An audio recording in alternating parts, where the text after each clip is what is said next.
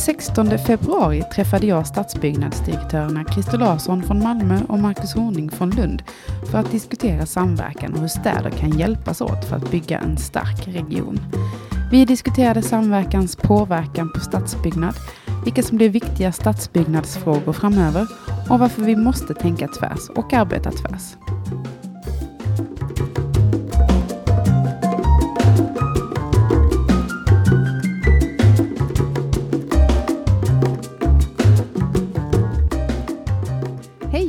Välkomna till Esplanad, en podd om staden, trafiken och framtiden producerad av Trivector.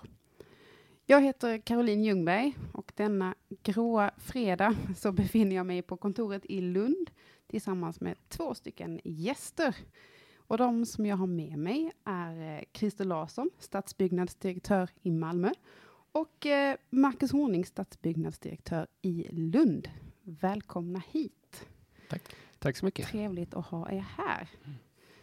Um, ni är ju stadsbyggnadsdirektörer båda två i uh, två av de kommunerna får man väl säga där det händer allra mest i Skåne just nu.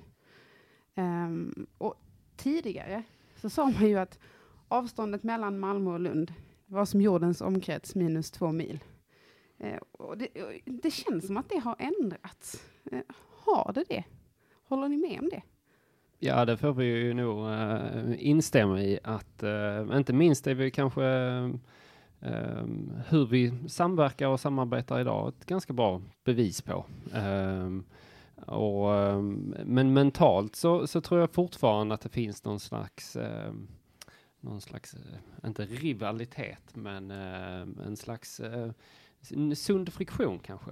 Mm. Uh, man sporrar varandra lite och utmanar varandra lite för att uh, flytta positionerna framåt. Mm. Så det kan till och med vara positivt? I vissa avseenden så tror jag det kan vara positivt. Mm. Men det måste ju riktas åt ett uh, konstruktivt håll. Mm. Nej, jag håller också med om det. Mm. Det är jättestor skillnad. Mm. Jag läste ju Lund på 70-talet. Då var det precis som du säger. Vi var aldrig i Malmö. Nej. Men nu är det ju nu är det lite tvärtom. Och det, det är ju glädjande tycker jag. Eh, för det, det, har ju också någon slags regionalt perspektiv och konkurrenskraft och så. Att vi faktiskt eh, måste också samarbeta för att möta konkurrensen ifrån andra regioner. Mm. Men jag känner att eh, ja, vi ses ju ganska regelbundet med våra kollegor och det är ju en styrka. Vi har också gjort en del gemensamma planer, strukturer som också är viktiga ju. Mm. Jag tror ju strukturbild eh, i Malmö-Lund-regionen har bidragit ganska mycket. Det är ett ganska omfattande arbete som har gjorts där man enas kring ja, minsta gemensamma nämnaren. Mm. Att eh, på makronivå, vad är det för frågor som är väsentliga för oss för att vi tillsammans ska få ut max nytta av vårt samarbete och vår region. Uh, och den har nu bidragit ganska mycket. Mm. Mm. Ja, det tror jag också. Eh, sen får man se det här lite över tid också, tror jag. Eh, för att eh, jag säger ju det att vår utbyggnadsriktning på sikt i Malmö, den är ju mot Lund. Den är ju liksom den här nordostliga delen utav Malmö. Där mm. är vår framtid. Mm. För sen har vi åkermark och hav. Mm. Eh, och, och fyrspår till Lund och den satsningen som ni gör söder om Lund nu. Det gör ju att vi kommer att bli mer och mer nära varandra. Även om Lund har en stor utbyggnad i Brunnshög och vi har en stor utbyggnad i Hylje. Mm. Men de är ju klara sen. Mm. Och då, då hamnar vi mera som en, en, ett, ett gemensamt par. Mm. mm. mm. nu har ni nämnt en, en hel del olika saker och det verkar ju som att avståndet har, har minskat, även om det fortfarande kan finnas en del rivalitet. Eh, men ett ord, och ni har redan nämnt det, men det är ju väldigt hypat och vi hör det jättemycket i vår bransch och även på andra ställen. Och det är ju samverkan som eh, kommer att bli allt viktigare för att vi ska kunna åstadkomma det vi önskar i, i den komplexa värld vi lever i, eh, där nätverkande blir allt viktigare och vi behöver samverka på olika fronter med varandra. Um, nu har, ni har ju redan berättat att det här är viktigt. Eh, hur viktigt är det för er i era kommuner? Något, är det samverkar ni Alltså jag tänker det är två delar i det där. N när man har, um, som vi, um, Malmö, Lund och däremellan har vi Burlöv och Staffanstorp, så handlar det nästan lika mycket om att, att bygga en gemensam relation. precis som i en familj eller på en arbetsplats så, så behöver man kontinuerligt träffas för att lära känna hur man hur vi fungerar och, och vilka drivkrafter vi har, var vi är på väg någonstans.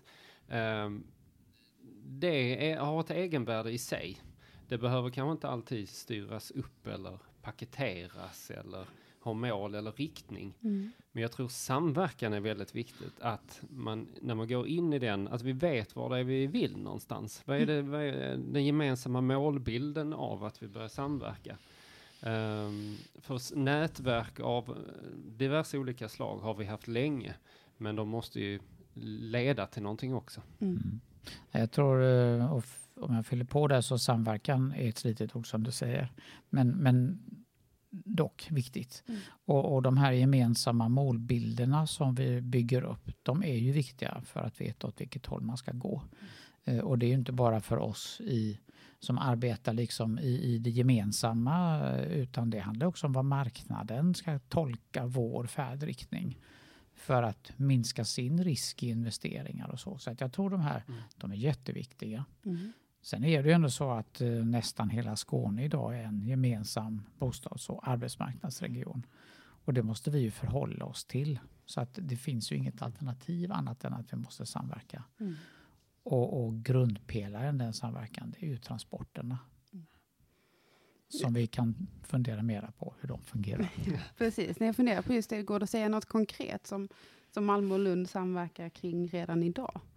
Är det transporterna då till exempel? Alltså vi har ju gemensamma eh, utmaningar i att vi måste hänga samman bättre med vår infrastruktur. Så samverkan kring de fyra spåren blir ju otroligt viktig. Mm.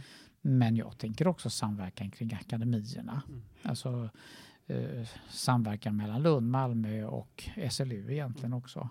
Alltså det klustret av kunskap inom vårt fält. Mm det finns inte på så många platser till. Mm. Men nu har vi ju två universitet med två mils avstånd. Mm.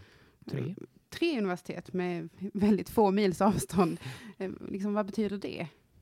Mycket. Mycket för hela regionen, ja. antar jag. Mm. Väldig styrka. Och mm. just för att de, har, de, har, de tillför olika dimensioner i det gemensamma samtalet eller det gemensamma samarbetet. Uh, och där uh, vet vi ju finns ett, um, ett bra upparbetat um, uh, samtal. Sen har vi Campus Helsingborg också som ju mm. har, har, sin, sin inriktning som också kompletterar det här. Um, jag funderade på, för ni nämnde en hel del saker man kan samverka kring och ehm, ni pratade också om någon sorts eh, rivalitet som ändå lever kvar mellan Malmö och Lund. Finns det någonting som man känner att det här kan vi inte samverka kring? Alltså rivalitet är kanske att ta i, men eh, ehm, ja, där är nog vissa områden som är känsligare än andra. Eh, inom näringsliv och den typen av etableringar så är det nog fortfarande i den regionala kontexten en viss rivalitet i eh, eh var saker och ting skulle kunna landa. Mm. Eh, samtidigt så har vi, har vi lärt oss vikten av att agera gemensamt. Vi, nu för, om det var förra året så gick vi miste om en, en eh, etablering från, eh, från EU kopplat till livsmedel ja, eh, i Skåne. Och som visar, hade vi varit bättre på att på nationell och regional nivå se den, det samlade värdet av det här, inte det geografiska, så hade man kunnat verka på ett annat sätt. För vi har ju som sagt på andra sidan sundet har vi har vi en uh, fantastisk uh, medspelare i Köpenhamn och Danmark. Mm. och det är väl egentligen hela det sammanhanget som, som vi behöver bli bättre på att se. Mm. Det tror jag också. och men, men jag tycker ändå att det har blivit en förändring till det bättre just i näringslivsfrågor som du mm. säger. Att den där konkurrensen är inte så stark längre för att både Lund och Malmö har ju genomgått stora skillnader i sitt näringsliv. Mm. Och, och, vi närmar väl oss ett mer nyktert tillstånd där vi säger att ja, men Malmö kan inte ta stora ytkrävande verksamheter. Jag kommer ihåg när, när ESS-anläggningen var uppe till diskussion för ja, nästan 20 år sedan. Alltså då hade vi den också, men, men i ett gott samarbete så, så hamnade den i mm. Lund. Eh, för den hade vi aldrig kunnat eh, få plats med. Och det är ju samma sak med stora logistikanläggningar. Det har ju varken Lund eller vi plats med. Det får hamna någon annanstans och det gör det ju då i Landskrona eller Helsingborg. Så det är bra. Men jag skulle också vilja eh, knyta an till det, det, det Marcus säger som handlar om det nationella perspektivet. Mm. För det är, ju, det är ju helt galet att man ifrån eh, vår regering inte ser Danmark som en samarbetspart utan man ser Danmark som en konkurrent. Mm. Och då har man ju inte alls ögonen på att det finns en eh, region som presterar 25 procent av BNP. Mm. Alltså det är ju helt galet. Mm. Mm, jag funderar på det, ni, ni har redan nämnt det här regionala perspektivet som vi också har sett under de närmaste åren. Att, eh, vi brukar ibland säga att regionen är den nya staden, för det, vi kan inte bara tänka i städer längre, utan vi vill alltid, vi vill ha det bästa jobbet kombinerat med den bästa bostaden, vilket gör att vi pendlar mycket mer än vad vi gjorde för bara ett antal år sedan. Um, så man behöver, vi behöver tänka i ett regionalt perspektiv. Um, och just det här med att Köpenhamn finns nära. Alltså, vad betyder det? Vad betyder det för Malmö och, Lund? Det betyder jättemycket. Mm. Alltså just uh, det att uh, jag håller verkligen med dig om att regionen är den nya staden. Mm. Eh, och, och, vi kommer säkert att ändra vår, vår begreppsvärld kring vad en stad är. Eh, och där är ju Skåne en helt eh, egen då, samhällsbildning med sin flerkärnighet och så. Mm. Men också just att man tänker mer och mer på funktionella regioner. Då blir ju landsgränser inte så viktiga utan då är ju Köpenhamn en central ort för oss båda mm. såklart. Ja, och kapital och, och arbetsmarknad som är hårdvaluta, arbetsmarknaden då. Mm. Eh, de bryr sig inte om några administrativa gränser och har nästan aldrig gjort. Mm. Eh, och det är ju egentligen vårt jobb att försöka överbrygga dem så mycket som möjligt. Men vi kan göra det utifrån vad vi signalerar och hur vi samverkar. Men det är först på den nationella agendan vi kan få en större förändring så att det verkligen eh, Eh, påverka på mer strukturell nivå. Mm. Att det inte märks att man tar sig över olika kommungränser. Mm. Um, och vi har ju också exempel nu på, på senare år hur, um, hur vi börjar bli på regional nivå blir ännu bättre på att samverka eller i varje fall se hur vi kan komplettera varandra. Vi har Unity, elbilen som har uh, utvecklats i Lund, föddes i Lund och växte fram på Ideon. Och så kommer man fram till en nivå där man måste ta nästa kliv. Ja, Landskrona, perfekt nästa steg. Och det är väl den typen av samspel och, och att man ser det som en gemensam spelplan. Mm. Det är ju då också som vi blir attraktiva på en global nivå. Eh, där vi kan eh, hjälpas åt att fylla luckorna. Mm. Ja men så, så är det ju. Och Forbes eh, utsåg ju eh, Malmö-Lundregionen till världens fjärde mest innovativa eh, stadregion. Mm. Så att no någon styrka har vi ju där. Mm. Absolut. En sak som jag satt och funderade på var om man kunde se eh, Lund och Malmö som Twin Cities. Eh, kollar man på Wikipedia så är det enda svenska exemplet är Jönköping-Huskvarna. Och istället så står Malmö och Köpenhamn där också. Eh, varför är det inte Malmö och Lund? Ja, det är en bra fråga. Ja. Eh, men, men eh, på 70-talet så tror jag det fanns en bandstadsidé Malmö-Lund. Mm. Men sen klart, sen blev ju fokus mera Malmö-Köpenhamn just på den här gränsöverskridande regionen och symboliken kring det. Mm. Men vi pratar ju ganska mycket om Malmö-Lund, Köpenhamn, Roskilde. Eh, och, om man tittar på akademierna så är det ju ganska givet. Mm. Så att eh, jag tycker nog egentligen att man absolut kan läsa in Malmö, Lund, mm. Köpenhamn, Helsingborg. Mm. Mm. Eh, så att det, jag tror det är, det är mer öppet idag än vad det var kanske när fokus var på just att man bildade regionen med bron. Och nu så är bron en naturlig del och då kan också begreppet förändras. Så kan jag mm. tänka. Så det behöver inte bara vara två.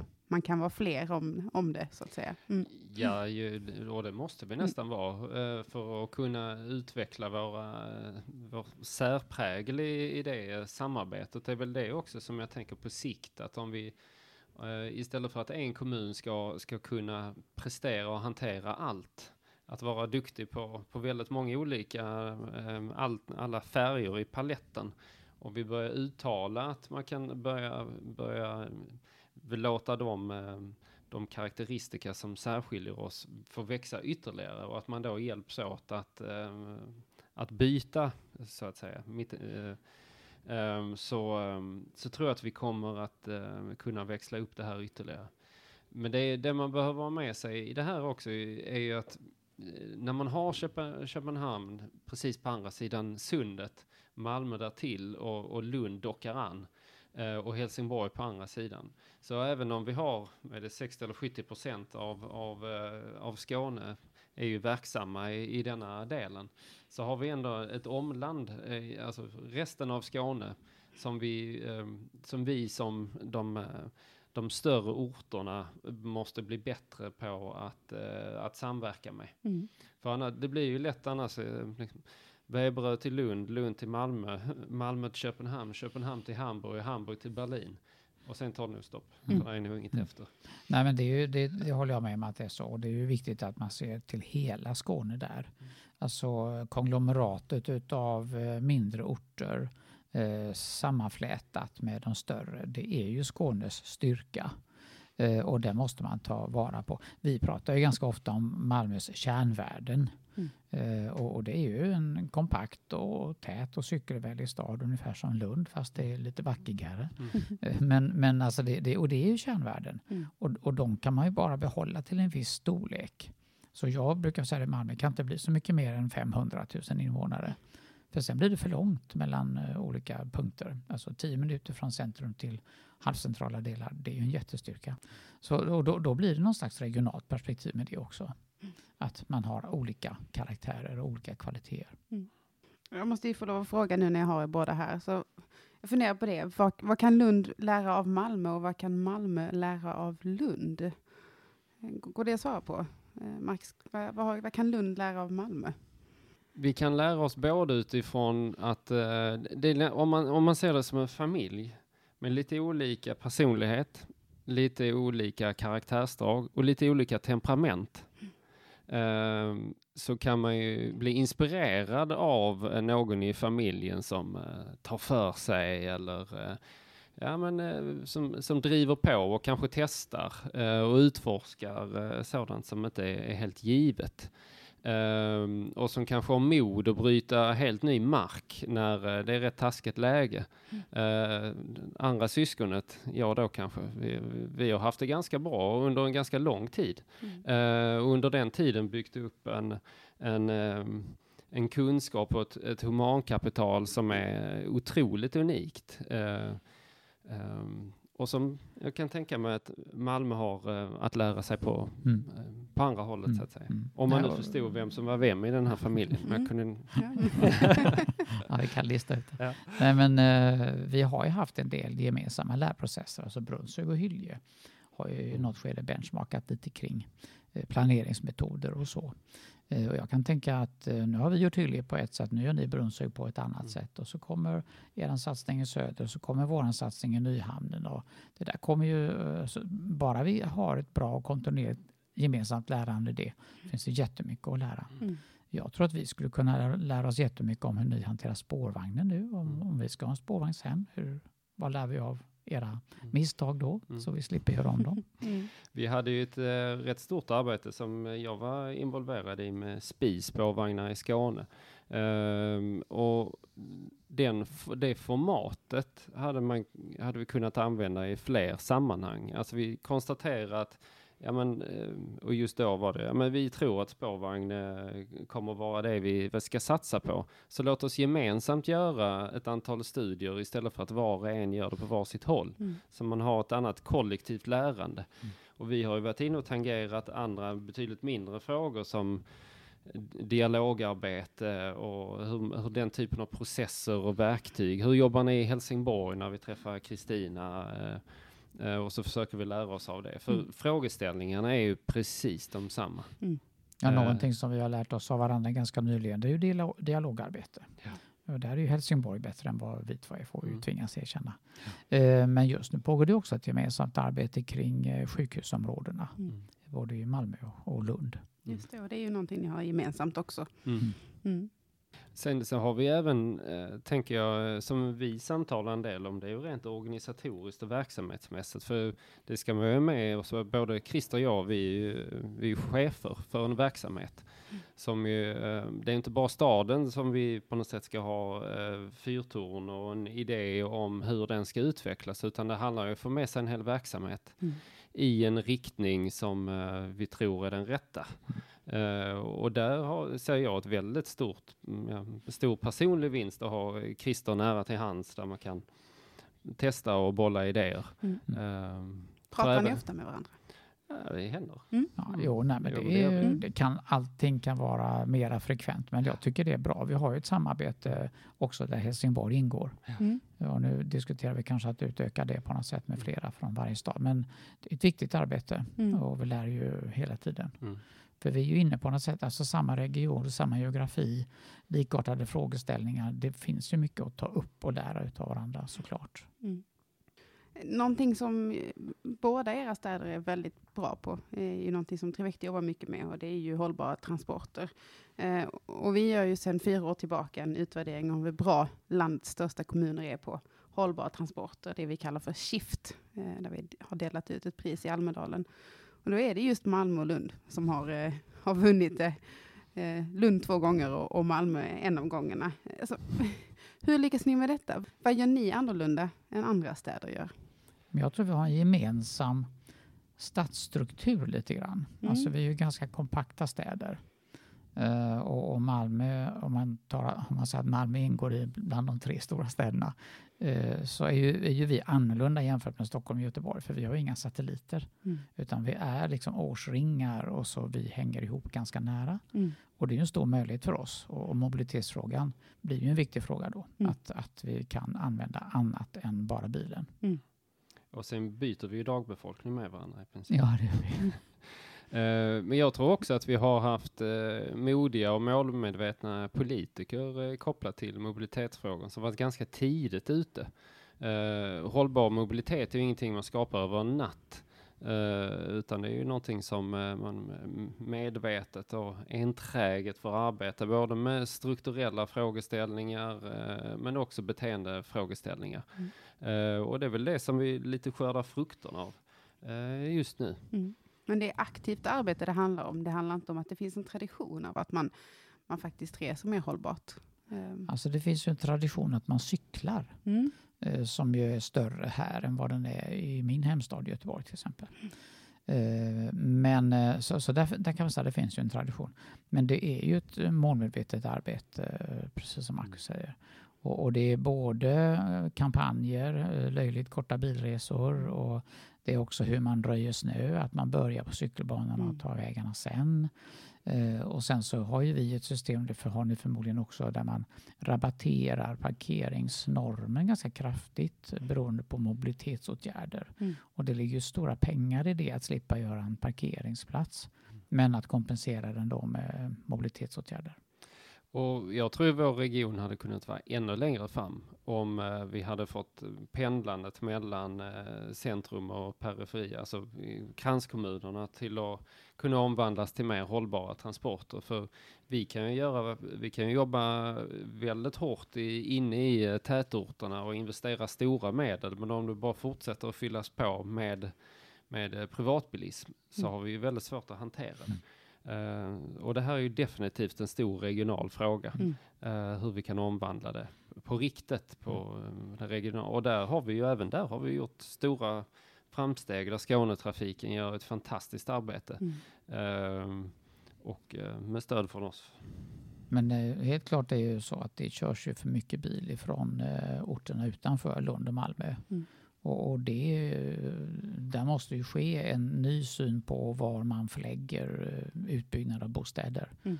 Man måste lägga det i kollektivtrafiknära lägen mm. Eh, för att minska miljöbelastningen på Malmö framför allt skulle jag tro.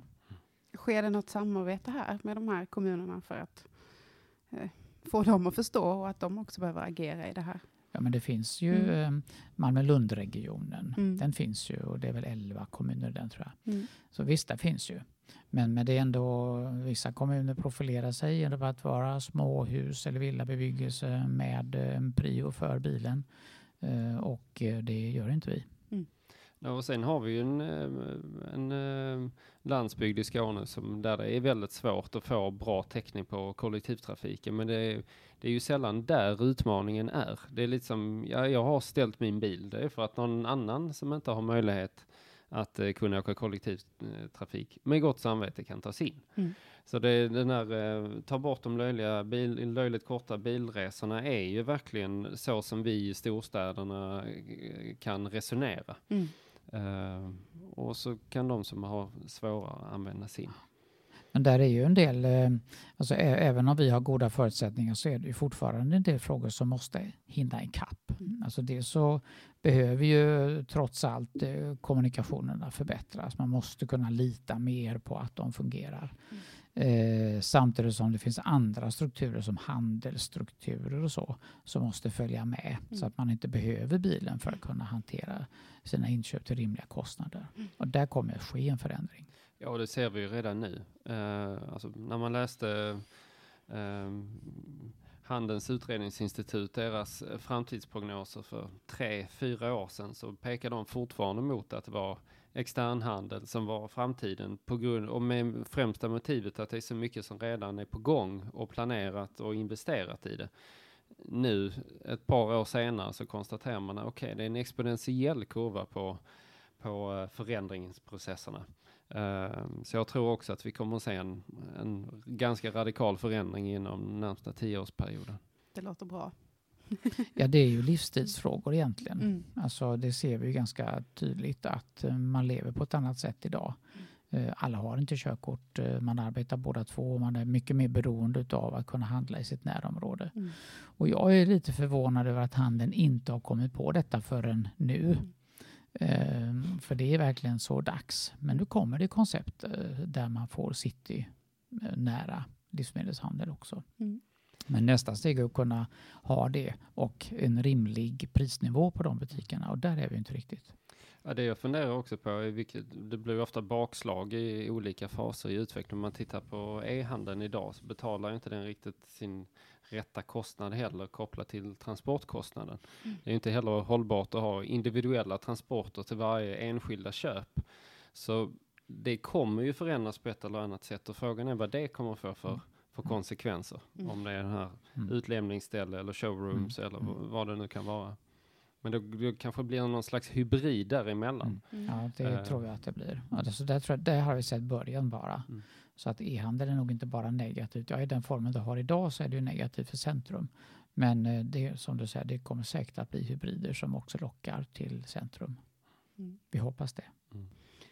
Ni tangerar lite på min nästa frågeställning och det var ju, vi ser ju en trend som, som påverkar oss nu och vi kommer fortsätta göra det ett bra tag eh, framöver. Och det är ju såklart digitaliseringen. Eh, vi är ständigt uppkopplade. Vi kan se var, när tågen och bussarna går i våra telefoner. Och I vår bransch så pratar man om eh, transport som tjänst och självkörande bilar och, eh, och allt sådant. Hur, hur tänker ni kring eh, digitaliseringen kopplat till stadsbyggnad? Alltså, hur kommer det förändra stadsbyggnaden framöver? Jag tycker den har redan förändrat. Mm. Um, alltså det, det finns en instrumenteffekt i hur man eh, ritar byggnader som, som ligger i datorerna. Den är inte helt positiv kan jag tycka för allting ser ju ganska lika ut. Men, men eh, eh, sen så finns det någonting som handlar om processer. Mm. Alltså planprocessen. Vi jobbar ju mycket med våra processer på våra kontor. Eh, hur den kan förenklas, kan delar automatiseras och så. Mm. Men sen tror jag det finns en jätteviktig fråga där och det handlar om demokratifrågan att med digitala verktyg, eh, spel och annat kunna visualisera och göra medborgarna mera delaktiga i stadsutvecklingen. Mm. Den, där har vi liksom precis börjat att titta på den. Uh, och det kommer starkt tror jag. Mm. En sak som vi också pratar väldigt mycket om, hur man kan involvera medborgare till mm. exempel i hur vi utvecklar våra städer och, mm. trafiken i dem. Uh, och då tänker du att digitaliseringen kan vara hjälp i detta? Absolut. Mm. Ja, det intressanta här är ju också när, eh, när generation Z och generation Y kommer upp, alltså pre och post millennial, som är de första generationerna som har varit 100% uppkopplade under hela sin livstid. Mm. Uh, och hur deras syn på världen och syn på hastighet och, och tid och hur man löser problem, hur man delar kunskap, eh, vad äganderätt eller eh, och hur, hur de grundläggande mekanismerna som präglar våra arbetsplatser och vår syn på att lösa problem eh, kommer vi få en helt annan möjlighet att lösas på ett annat sätt. Eh, och det tycker jag är superspännande mm. att se hur, hur vi kan anamma det här, både utifrån ett medborgar och demokratiskt perspektiv, men också som arbetsplatser. Mm. Uh, jag tror att man kommer kunna stärka ganska många processer mm. genom att göra dem tydligare och så. Mm. Eh, så det finns, ju, det finns ju flera lager på digitalisering. Så det mm. som vi pratar om nu, men sen så överhuvudtaget systemstyrning som kan göra mobilitetsstyrning, att kunna ha information kring vad, hur trafiken flyter, reglera hastigheten för att öka framkomlighet och så. Smarta system. De, de tror jag kommer att utvecklas jättemycket och behöver också mm. utvecklas eh, om vi ska få kapacitet på E6 till mm. exempel. Mm. Istället för att investera i nya körfält och så. Men, men sen så tror jag att det finns en annan aspekt på det som är mer en samhällelig aspekt. Alltså när, när en del av våra arbeten automatiseras. Eh, hur ska du skapa mening med livet? Och, alltså det finns en jätteintressant fråga där och vem ska ta hem ekonomin ifrån roboten? Är det odelat företaget eller så? Alltså, mm. Här mm. kommer det väckas många svåra frågor tror jag. Mm. Ja, det kopplar ju också till urbaniseringstrenden. Den bygger ju på ett, ett nära samband mellan boende och arbete. Uh, och när den upphör, mm. vad händer då? Mm. Är det så att urbaniseringen inte kommer vara lika stark eh, eller att den kommer att få olika avarter så att säga? Eh. Mm.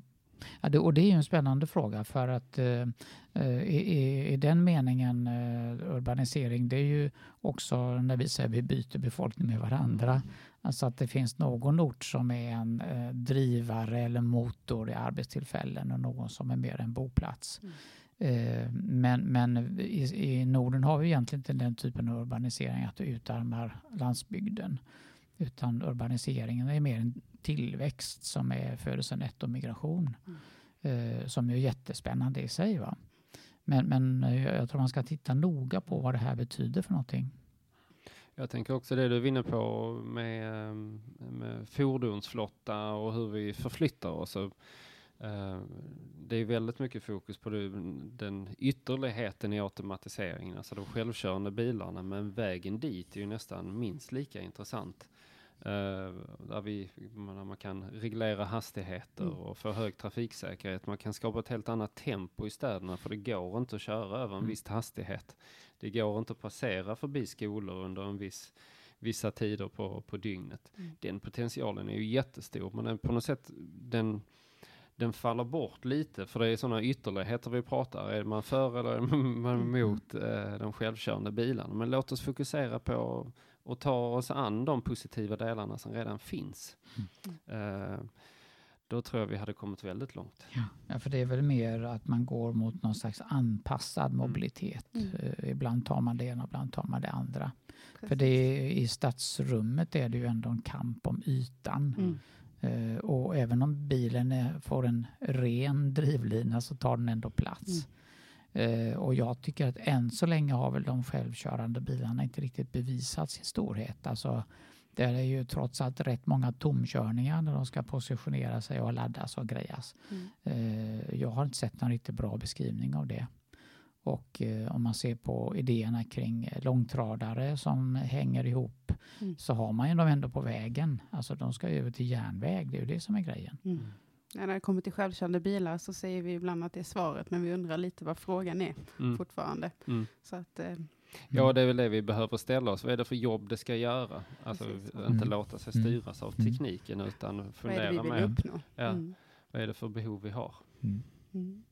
Eh, ni har nämnt urbanisering och vi har pratat om digitalisering. Eh, om vi tänker stadsbyggnad framöver, alltså vad kommer att bli viktiga stadsbyggnadsfrågor eh, framöver? Både generellt och i, i Malmö och Lund.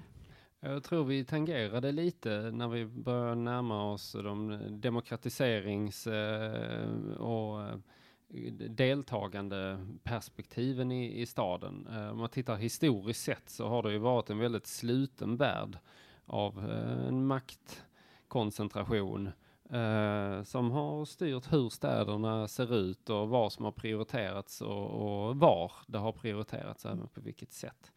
Um, och där det sker en nästan global förskjutning mot att eh, börja betrakta, inte fokusera så mycket på de relativt små tilläggen vi gör i staden, utan fundera mer och titta på de kvaliteterna som finns på plats. Och det kan ju vi på stadsbyggnadskontor eller som konsulter, det kan vi ju aldrig veta. Mm. Vi måste ha fler öron, vi måste ha fler ögon och vi måste ha fler hjärtan eh, för att få en bättre förståelse i hur städer och sammanhang fungerar. Mm. Mm. Nej, men det, det, det håller jag också med om. Uh, och um, jag tänker att um, mer betrakta stadsbyggnadsfrågorna som ett verktyg mm. uh, för att också lösa utmaningar. Och det är liksom en förflyttning som, som vårt fält har gjort från att vara ganska tekniskt mm. till att bli mycket mer socialt. Alltså, mm. alltså hur bidrar vi till att lösa hälsa och sociala frågor? Det tror jag kommer att vara en viktig fråga. Och generellt sett alltså konsumera mindre resurser. Hitta städer som konsumerar mindre resurser. Mm. Det kommer att vara en jätteviktig fråga. Mm. Eh, men inte minst de sociala aspekterna då. Eh, sen så är det ju så både i Lund och Malmö att vi ska jobba med den staden vi har. Eh, vi ska förtäta den och utveckla den. Mm. Och där är ju väldigt mycket intressanta diskussioner just om täthet. Och jag tänker där är det en fråga som måste belysas. Eh, för det, det, blir väldigt lätt att man säger nu ska vi bygga tätare och ska bygga högt. Men, men, men, vi har faktiskt precis gjort en studie som visar att det blir nästan ingen skillnad i täthet beroende på hur högt man bygger. Därför att du genererar ändå så mycket följdytor mm. i skolor och annat så att det blir ungefär lika tätt. Eh, och det är ju lite intressant. Det måste mm. naturligtvis modereras mycket mer. Va? Mm. Och, och, det finns ju höga hus som kan ingå i detta. Men då är det inte bostäder, då är det något annat. Eh, men det är väldigt spännande att mm. tränga djupare in i det och mm. koppla ihop det med mobilitetsfrågor och annat. Sen tycker jag också när man tittar på eh, FNs hållbarhetsmål eh, så är det ju en fantastisk guide för oss att veta hur, mm. eh, hur eh, vi bör hantera och vilka parametrar vi måste ha med oss när vi utvecklar städerna. Så egentligen finns ju kunskapen, mm. men vi måste hitta sätt att uh, få in det i vardagen. Uh, att det inte är separata små projekt som ligger vid sidan, utan att det ligger i vårt DNA. Mm. Uh, att tänka och verka, då, både på tjänstemannanivå men också på politisk nivå. I det lilla och i det stora. Och där är ju viktigt att vi gör det. Mm. Eh, nu har ju vi ett, eh, ett särskilt kansli för 2030-arbetet och det har väl ni också i Lund tror jag. Eh, för det blir ju så viktigt, precis som du säger, att vi gör det som en helhet. Mm. Vi har varit Brundtland ganska trogna så att nu måste vi skifta till 17 istället för 3. Det blir mycket mer komplext. Mm. Men, men, samtidigt kan man säga, ja, men gör inte städerna det så blir, går det inget bra för miljön. För länderna kommer inte kunna göra det utan det är städerna som utmanas hela tiden. Mm. Och vi måste ge svaren. Sen tror jag också de utmaningarna vi står inför är ju, eh, bygger ju på att vi tänker tvärs och arbetar tvärs. Och fortfarande så är ju kommuner och många andra ju, eh, stuprörsorganiserade och det har vi pratat om i 30 år mm. och vi har inte förflyttat oss många millimeter. Um, men man kan ju också tänka att organisationerna är där de är. Om, vi, om man lägger mindre fokus på att försöka ändra dem och så istället ändra ett mindset och en kultur. Kulturen är mycket, mycket starkare än organisatoriska gränser. Mm. Um, och när vi ska ha en, eh, låt oss säga en fastighetsmässa, så är det kanske inte bara ekonomer, jurister och stadsbyggare som ska vara där uh, och fundera över vad digitalisering kan innebära. Ja, men då tar vi in någon som kan det. Mm. Så att vi börjar korsbefrukta våra olika mm. professioner. Uh, och då tror jag vi kommer att lyfta ytterligare. Lite som när vi pratar om den regionala spelplanen. Vi använder varandras styrkor i olika branscher. Uh, och då börjar det hända saker. Mm. Ja, och, och, koppla in väldigt mycket samhällsvetenskap. Mm. tror jag. Alltså där har ju Lunds universitet sin urbana arena som är väldigt spännande. Ja, vi kan kalla det centrumbildning. Men, mm. men den är ju jättespännande. Just den här holistiska och tvärfackliga.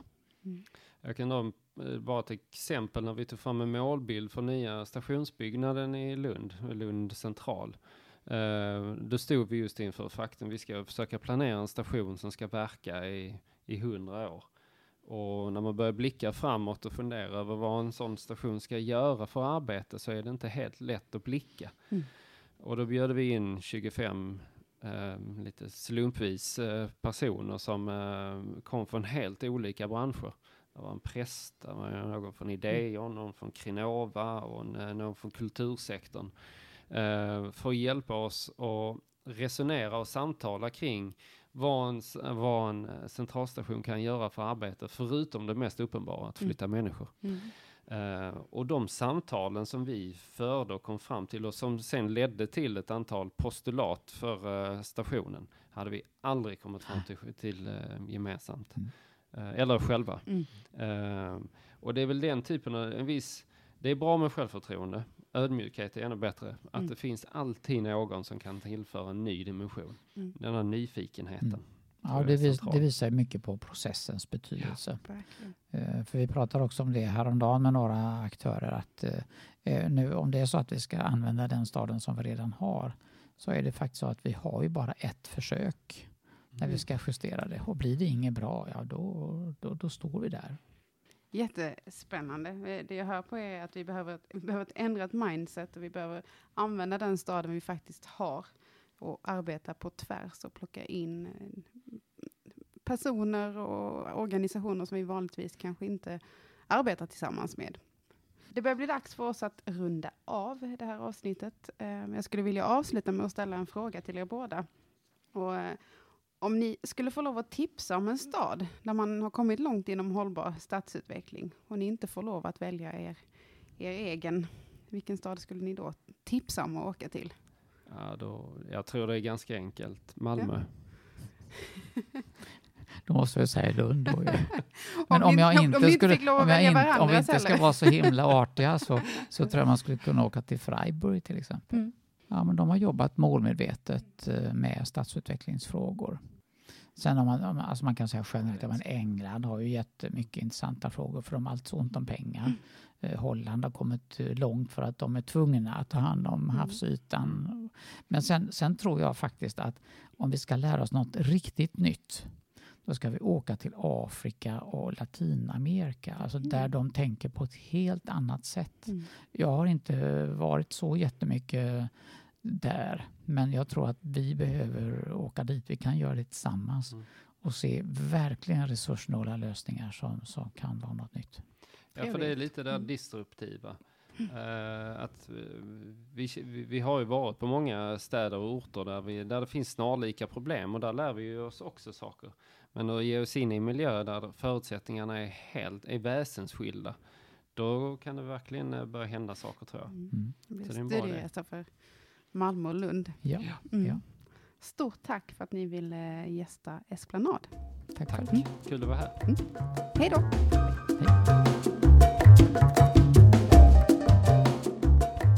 Vill du veta mer om podden eller om Trivector?